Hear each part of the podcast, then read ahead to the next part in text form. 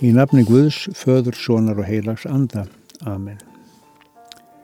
En ljúfasta líking á verki Guðs er þegar hann er nefndur sem hyrðir. Svo líking er endur tekin marg oft bæði í Nýja testamentinu og því gamla. Drottin er minn hyrðir, mér mun ekki bresta. Ég er góði hyrðirinn, sagði Jésús. Góði hyrðirinn leggur lífsitt í sölutna fyrir sögðana.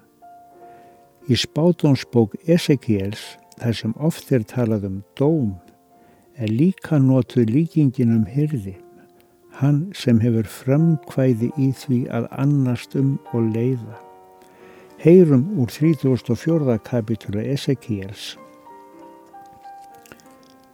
Því að svo segir drottin Guð, nú ætla ég sjálfur að leita sögða minna, líta eftir þeim eins og hyrðir lítur eftir hjörðsynni þegar hún er á dreif í kringum hann mun ég fylgjast með mínu fér.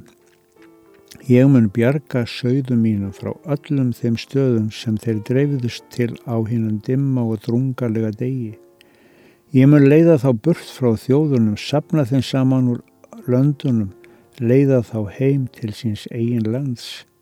Ég mun sjálfur halda þeim til beitar í góðu haglendi.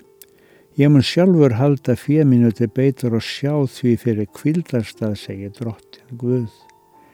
Ég mun leita þess sem villist og sækja hefð hrakta, binda um hefð limlesta og styrkja hefð veikburða. Ég mun gæta hens feita og þróttmikla og halda því ég haga eins og rétt er. Og byggjum svo saman 2003. dag við sáum með ljóðstöðum í þýðingu sér að svafas að Jónssonar.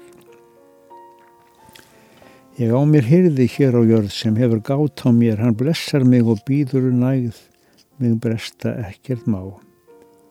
Ef yggra ég um eðisand og enga leið ég finn, hann leiðir mig um græna grund og greiðir fyrir minn. Við vötnin hans ég næðis nýtt, svo nærist sál og líf, Hans helga nafn mér vísar veg og veitir skjól og hlýf. Þótt fari ég um dimmandal er drottin samt mér hjá.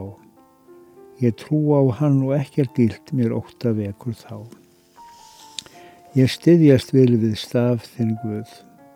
Mig styrkir sproti þinn. Í hverju neið þú býr mér borð og byggar fyllir minn. Já, fylgja mun mér gæfa Guðs sem gengur mér við hlið og alla daga æfinar ég á hans náð og frið. Fadir vor, þú sem ert á himnum, helgist þitt nafn, tilkomið þitt ríki, verði þinn viljið svo á jörðu sem á himni. Gef oss í dag vort daglegt brauð. Fyrir gef oss voru skuldir svo sem við og fyrir gefum vorum skuldunautum. Egi leiði þú oss í frestni heldur frelsa oss frá yllu því að þitt er ríkið, mátturinn og dýrðin að eilífu. Amen.